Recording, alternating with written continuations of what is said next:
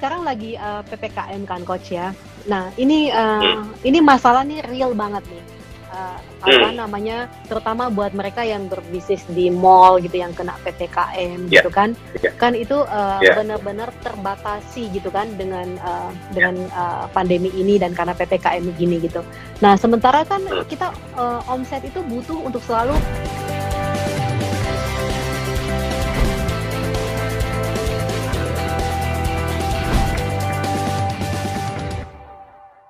sekarang lagi uh, ppkm kan coach ya. Nah ini uh, hmm. ini masalah nih real banget nih.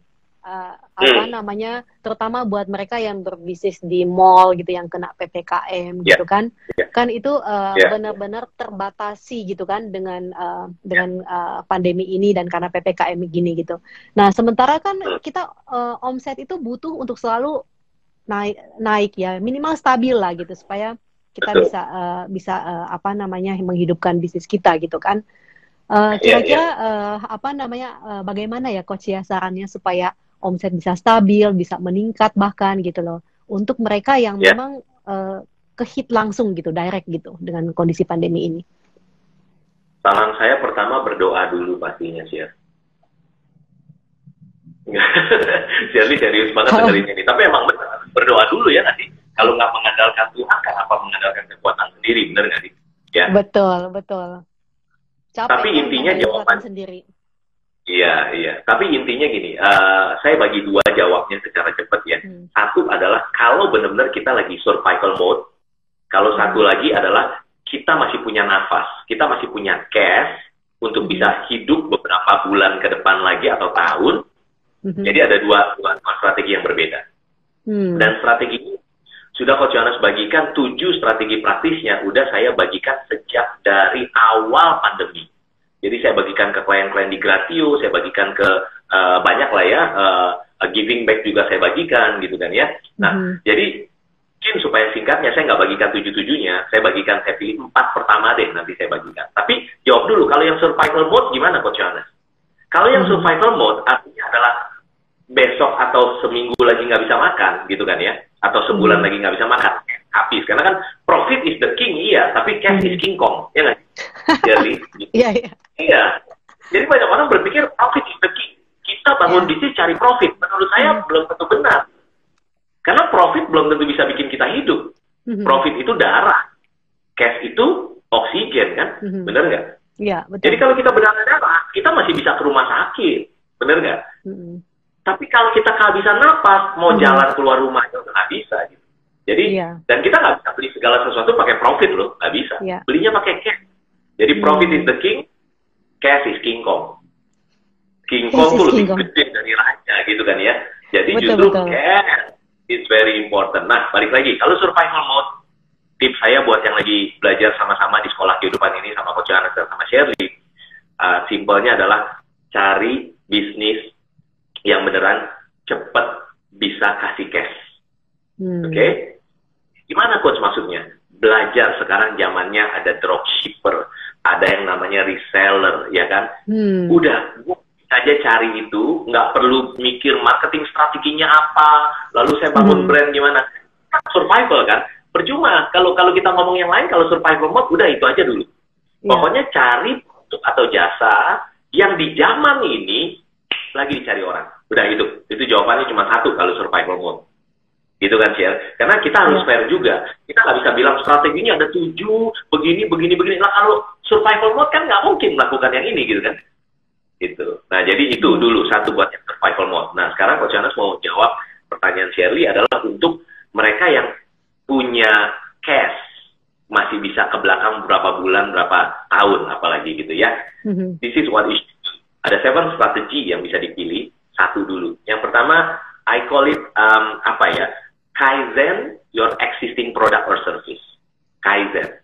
Kaizen. Artinya con ya, continuous improvement ya, hmm. it's Japanese uh, term gitu kan, Kaizen. Atau bahkan lebih lebih ekstrim lagi sedikit, you might pivot ya, pivoting your business, pivot lah bahasa Indonesia-nya gitu. Jadi you might pivot. Contoh nyatanya gimana Coach Ini strategi pertama ya dari tujuh strategi. Contoh nyatanya apa? Salah satu klien kita, waktu pandemi hits, dia itu perusahaan garment besar. mm-hmm. ya perusahaan garment, bagus bisnisnya, and then pandemi hits, so semua PO, semua project, semuanya di hold, and then kemudian no omset dong. Mm-hmm.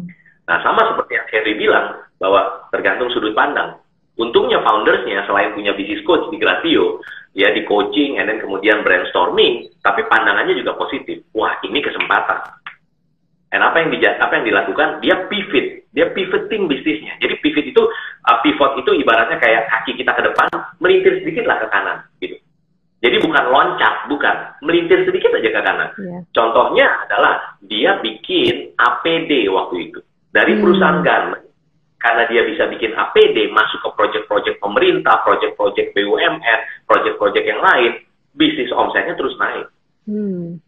Satu contoh, satu strategi nyata yang bisa kita lakukan kalau lagi pandemi adalah kalau nggak kaizen, continuous improvement your product, ya, which is kalau tadinya mungkin dine in misalnya F&B, apakah bisa mungkin harusnya botol terus kemudian we know lah sekarang hidupnya lebih deliveries and everything.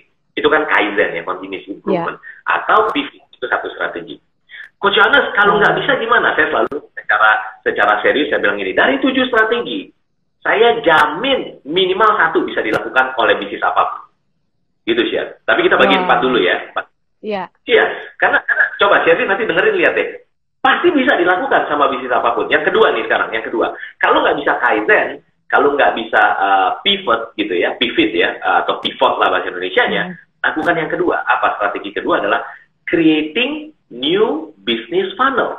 Creating new business funnel gitu kan. Ya, Uh, contohnya apa Coach Johannes? F&B, salah satu uh, orang yang punya F&B bisnis, baru bangun kafe nih, coffee shop. Pandemi hits. Mm-hmm. Waduh, kafenya udah dihias, apa segala macam, interior design, semua dine in. Wah, udah siap nih gitu ya. Eh, pandemi hit, ya siapa yang datang gitu kan? Berarti gimana creating new business funnel? Jadi tentu kalau F&B harus masuk dong ke alam. Karena gini, kita hidup di banyak alam semesta I believe this is not universe. It's actually multiverse. It's not uni. First, it's a multiverse. Jadi wow. kita nggak bisa kita nggak bisa hidup cuma di satu universe doang, which is bisnis kita F-series kan. Nah, strategi kedua mengatakan kalau kita kena hit atau kita kita kena hit lah ya sama pandemi adalah bagaimana creating new business funnel. Funnelnya di mana? Misalnya Anda F&B, ya udah masuklah ke online food agregator dong ya. Hmm. Uh, uh, GoFood, GrabFood, Shopee Food dan masih banyak lagi. Cuman pertanyaannya adalah jangan sekedar masuk. Jadi alam semesta itu kita harus jadi paling nggak tata suryanya, kita harus jadi mataharinya. Jadi artinya kita harus mastering alam semesta tersebut. Kalau sekedar masuk mah semua orang juga bisa, tanda kutip lah ya, bayi juga bisa masuk gitu kan ya. Benar nggak sih? Jadi jadi yeah, itu yang kedua. Yeah. Mastering alam semestanya. Oh bagaimana supaya muncul di search engine-nya. Oh bagaimana kita ikut promo-promo tapi kita masih menguntungkan. Oh package produk kita harus di kaizen gimana lagi supaya bisa masuk ke bisnis funnel yang kayak gini. Kayak gitu. Ya, itu itu strategi kedua. Strategi ketiga, kalau Coach Yohana saya punya produk sama jasa nggak bisa di kaizen, nggak bisa di pivot, nggak bisa di, di new business funnel ke mana lagi Coach? Nggak kepikiran katanya gitu kan ya. Oke, okay, So ini salah satu strategi yang seru banget dan banyak orang nggak pikir. Uh, salon kena kena kena kena dampak negatif dari pandemi betul ya. Mm-hmm. Tour and travel apalagi, benar nggak sih? Yes, saya punya teman uh, bisnisnya salon dan tour and travel. Jadi bisa bayangin kan coach gimana? Bisa bayangin. And this lady, suami istri datang ke Gratio, and then di di satu kesempatan dia sempat nanya sama coach Johannes, dan dia bilang, Coach Johanna, ini by the way bayangin waktu awal-awal pandemi loh ya. Hmm. Jangan bayangin sekarang. Sekarang orang yeah. udah mulai agak oke okay, gitu. Ini di awal banget di mana semuanya stop. Dan dia tanya pertanyaan yang tidak mudah dijawab. Yeah. Coach Johanna, saya tour and travel company, Coach. Jadi di minggu pertama pandemi, dua minggu pertama itu tim masih datang, saya masih tahu harus ngapain. Iya. Yeah. Gitu ya. Begitu minggu ketiga, minggu keempat kita bingung coach. Saya mesti ngomong apa lagi sama tim? Mau ngelakuin apa gitu kan? And hmm. then do di strategi ketiga untuk mengatasi krisis. Saya hmm. menyebutnya pre-marketing your business. Pre-marketing your business. Apa tuh maksudnya? Saya tanya sama ibu ini, Bu, Saya mau tanya, Ibu udah ada di semua alam semesta. Alam semesta maksudnya gimana Coach Hannes? Bu, sekarang kan alam universe yang satu kan adalah beli jasa ibu, lalu orang jalan-jalan tur ke Eropa area tertentu kan? Iya betul coach. Iya. Alam semesta yang itu kan nggak bisa, bener nggak? Iya nggak bisa coach. Oke. Sekarang saya mau tanya bu, kalau gitu tim kita dan kita harus ngapain sekarang? Ini kan lagi musim dingin. Tapi tahukah ibu musim panas nanti, which is waktu itu kita nggak tahu berapa lama kan, musim hmm. panas nanti, apa yang akan terbang tinggi luar biasa? Jawabannya adalah bisnis yang bisnis owner dan timnya kerja keras pada saat musim dingin. Itu jawabannya. Jadi maksudnya Coach Anas, Ibu, saya mau tanya, di alam semesta gini ya Bu ya, nanti begitu musim panas, orang cari jasa pergi ke daerah spesifik yang di Europe itu Bu, dia carinya di mana ya Bu? Oh di Google Coach Johannes. Oke. Okay. Ibu udah muncul di halaman pertama Google. Uh, Iya benar sih. Oke. Okay. PR-nya banyak nggak Bu? Research keywords apa? Harus gimana SEO, search engine optimization, harus belajar wow. SEM. Ya benar banyak ya benar. Oke okay, coach. Itu baru satu Bu. Alam semesta satu. Mm-hmm. Universe satu. Kan ini multiverse ya. Ibu tahu nggak search engine terbesar kedua apa Bu? Setelah Google apa ya coach?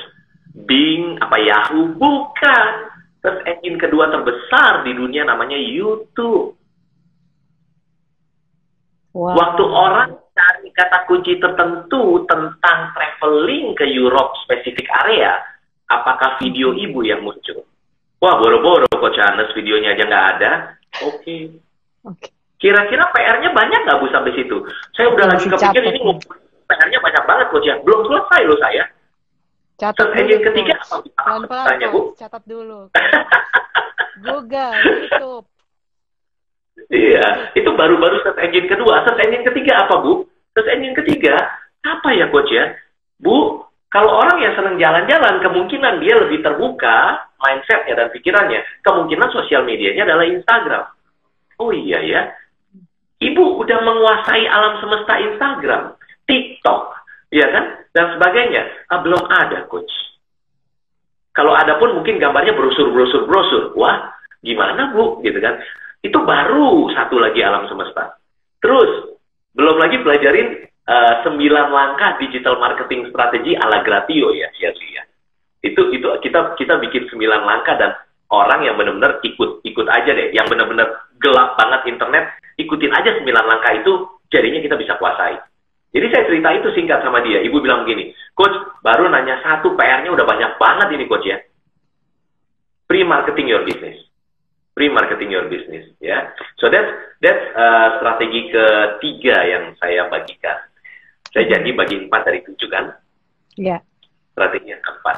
Strategi yang keempat adalah, if you cannot kaizen your product, mm -hmm. you cannot yeah be fit bisnis, you cannot pre-marketing. Ini sih pertanyaan sih, you cannot hmm. pre-marketing mana sih, gitu kan ya. You, you, you must pre-marketing your business. Maka yang keempat apa? Yang keempat saya nyebutnya very simple. Diversify your business. It's the time to diversify your business. Ada contoh nyata nggak Coach Anas? Wah, banyak banget contoh nyata, Shirley.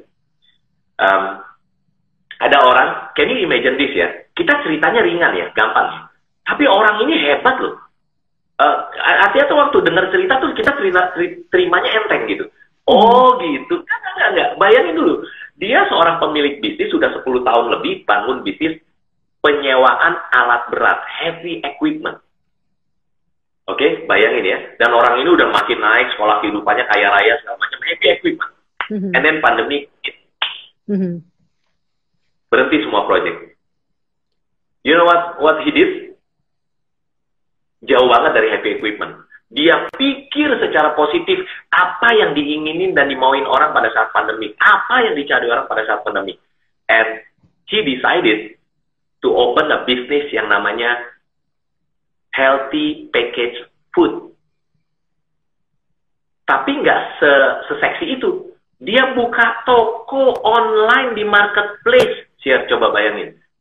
Selama ini golf mungkin gitu kan heavy equipment nih ya networking yeah. sama orang-orang penting begitu pandemi Dia buka toko, karyawannya dia kasih lihat, kita buka toko. Dia cari dari China produk-produk yang healthy package food, dia mulai buka toko di marketplaces, and then apa yang terjadi? Sampai cat aja masih dia yang balesin. Di awal-awal. Wow. And you know what? Lihat ya, heavy equipment sama jualan di marketplace package food gitu loh, maksudnya mm -hmm. can food apa gitu ya Jauh banget kan? Beda banget ya. Tapi dia nggak mikirin gengsi dan sebagainya. Kenapa? Jauh banget ya? bedanya ya. Jauh iya. banget bedanya. Iya. Iya. Jauh banget bedanya. Tapi balik lagi ke yang Sherry, balik lagi ke yang Sherry bilang di awal, semua tergantung sudut pandang. Dia nyari solusi, bukan ini yang saya suka. Saya sering bilang ini, bukan entertain the negativity. Mm-hmm. Salah satu culture kita adalah uh, penjelasannya never yeah. entertain negativity. Ya. Ya, tapi benar-benar infuse positivity, gitu kan ya. Nah, hmm. jadi apa yang terjadi? Dia buka. Itu baru satu cerita. Tahu nggak ya. apa yang terjadi? Enam bulan sejak hmm. dia buka tokonya dan dia mulai gerakin ya. timnya untuk jalan ya. toko ini ya. Kontribusinya ya. tahu? Sudah 20% omset dari heavy equipmentnya. Wow. Six months loh. Ya. Ya. Jadi jadi itu. Nah, satu contoh lagi ya, ada orang yang tadinya juga jualan garment ke Hong Kong, ke Asia segala macam, kena hit pandemi. And then dia berpikir, dia berdoa sih, dia ceritanya begini, saya doa sama Tuhan dan entah gimana Tuhan ingetin. Waktu itu memang lagi musim sepeda, ya kan? Mm-hmm. Betul ya. Kenapa kamu nggak buka toko aksesoris sepeda aja? Kira dia dia ceritanya begitu. Dia bilang jauh amat Tuhan gitu kan. Sama aku kan main garment gitu loh, produk produk segala tapi akhirnya Beda dia buka. Beda banget. Diversify your business pada saat musim dingin. Maka pada saat musim panas, your business yang tadinya lagi mati suri, kan akan bangkit lagi dong. Iya. Yeah. And suddenly you have two business. Two businesses. Ya nggak sih? Mm-hmm. Mm-hmm. benar banget. So itu empat. Itu empat jawaban saya, share. Uh, empat strategi yang, yang bisa kita lakukan. Masih ada tiga lagi, tapi uh, just uh, conclude di four dulu deh, biar biar bisa menjawab semua gitu. Iya, lumayan makin panas ini ya. Topiknya makin makin apa? Makin mendalam gitu ya, coach ya. Luar biasa. Iya. Kita uh, apa namanya memang yang tadi coach ceritain gitu ya. Waduh, itu details hmm. banget dan itulah sebenarnya yang yang sedang kita upayakan juga sekarang ya.